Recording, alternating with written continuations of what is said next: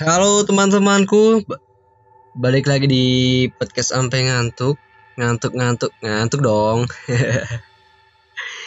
Iya, kali ini di episode kali ini em, aku tag bertepatan dengan Hari Pahlawan Nasional ya. Em, kita doakan buat pahlawan-pahlawan nasional kita di negara Indonesia tercinta ini semoga em, diberikan pahala dan rahmat hidayah eh, serta pertolongan di akhirat nanti. Oke, lanjut. Em, episode kali ini aku bakal cerita tentang cerita ganjilku.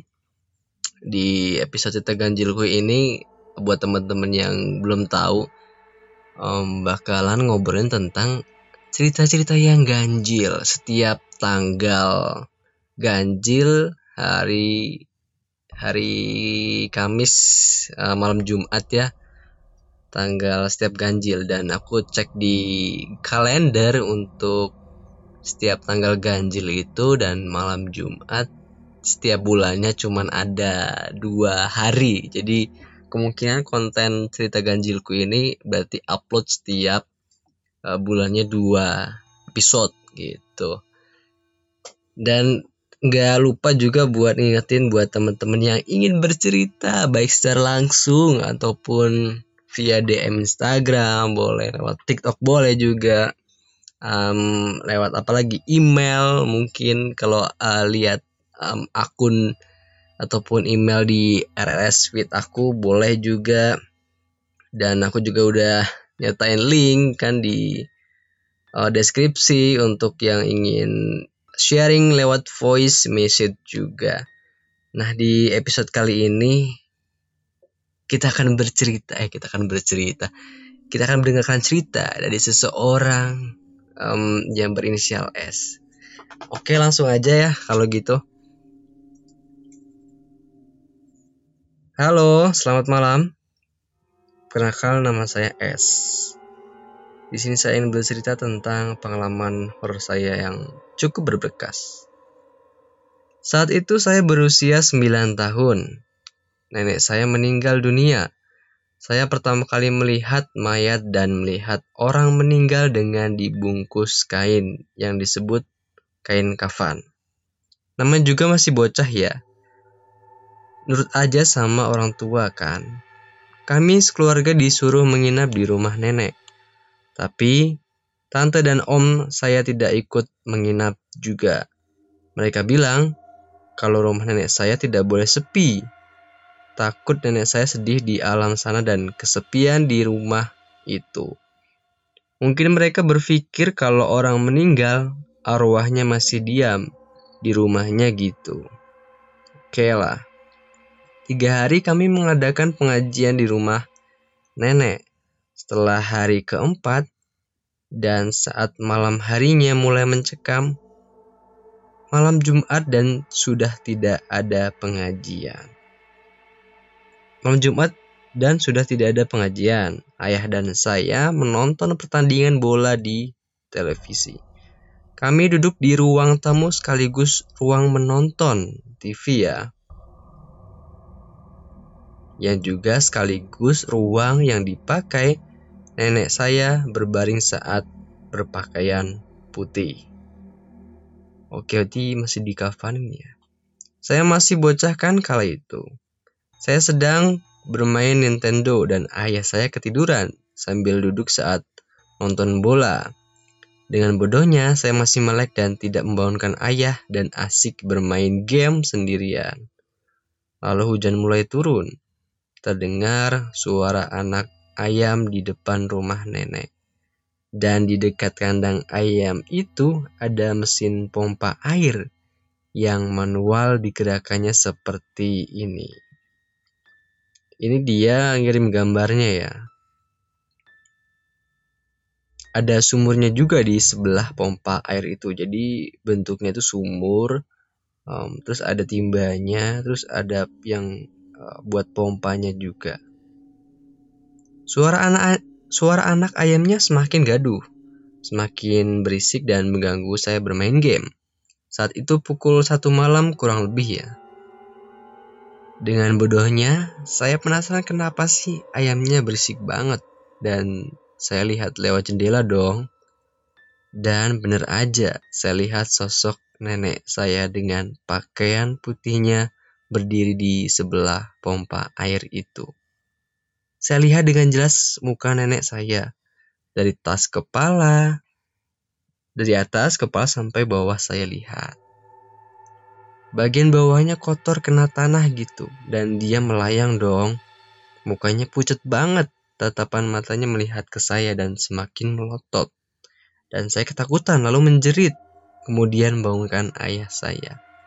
Dengan spontan, saya, ayah saya membuka hordeng dan melirik ke jendela.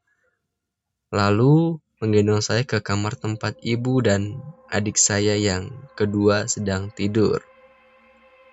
Tanpa mematikan TV, ayah saya langsung lari bawa saya ke kamar atas dan menyuruh saya tidur. Kami berempat tidur satu kasur dempet-dempetan sambil pakai selimut tertutup. Dari luar kami jelas banget terdengar barang-barang berjatuhan. Pintu kamar nenek yang terbuka dan menutup sendiri.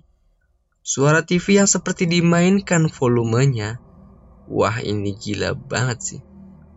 Kejadian horor paling epic yang pernah saya alami. Ayah saya berbisik, "Nak, baca Quran dalam hati dan jangan buka mata." Saya memeluk adik saya di sebelah saya yang menangis. Ibu saya juga panik banget dan maksa untuk pergi dari rumah itu saat itu juga. Tapi kalau kita keluar kamar, pasti lebih parah lagi sih gangguannya. Sumpah deh. Bener-bener kayak di film-film horor. Berasa lagi syuting film. Setelah itu suara dari dalam rumah tidak terdengar lagi. Tapi suara di atas genting rumah seperti ada orang yang sedang naik dan lompat-lompat gitu. Terus jendela kamar kebuka dan angin kencang masuk ke kamar sampai menerbangkan selimut yang kita pakai. Saya dan adik makin nangis kejer sambil dipegangin ibu. Lalu ayah saya memberanikan diri untuk menutup jendela itu dan berbicara. Mah, tolong jangan, mah, tolong jangan ganggu kita di sini, mah. Kita cuma mau temenin mama di sini lebih lama. Tapi kalau memang mama nggak mau ditemenin, besok kita pulang, mah. Nanti saya minta untuk gantian temenin mama ya. Jadi ibu saya minta tolong gantian uh, menemani mamahnya digantikan oleh tante saya. Wow, wow, sorry. Wow, seketika anginnya berhenti dong. Hujannya juga mulai reda. Udah selesai kan? Belum guys. Habis itu kita keluar dari kamar kan untuk mengecek keadaan di luar kamar, baru sampai tangga nih. Kan bareng-bareng mau turun ceritanya tuh ya. Eh, tiba-tiba mati lampu dong. Udahlah langsung kabur keluar rumah ke rumah tetangga. Eh, udahlah langsung kabur keluar rumah. Um, ke rumah tetangga jam 2 subuh bangun tetangga. Dan kebetulan rumah Pak RT nggak jauh dari rumah nenek saya. Keesokan harinya kami semua langsung pulang. Sampai sekarang, saya paling gak bisa nonton film horor yang ada pocinya. Bahkan saat ayah saya meninggal, saya tidak berani di dekatnya. Saya hanya melihat dari jauh, bisa dibilang trauma banget.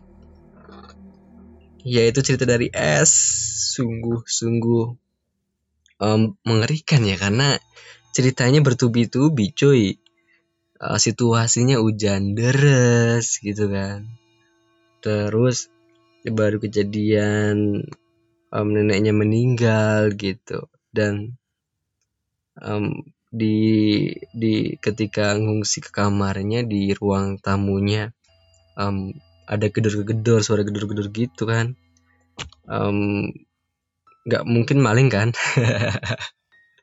Ya kali maling gedor-gedor rumah gitu ya.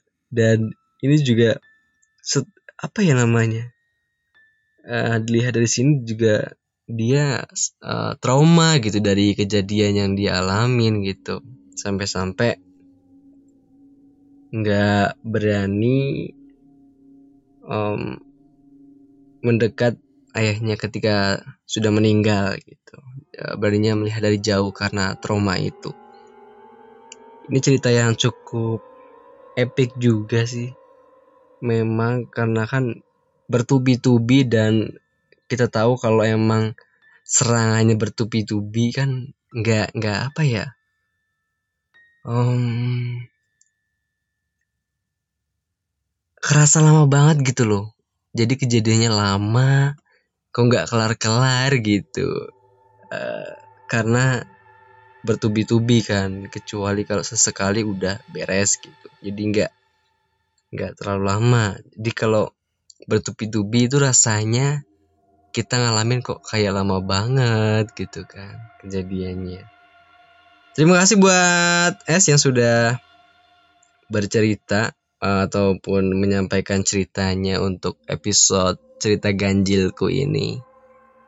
Dan sekali lagi buat teman-teman yang apa punya cerita ataupun pengalaman horor boleh berbagi juga di episode ataupun di segmen cerita ganjilku di DM Instagram bisa di TikTok juga bisa ataupun lewat um, link yang ada di deskripsi.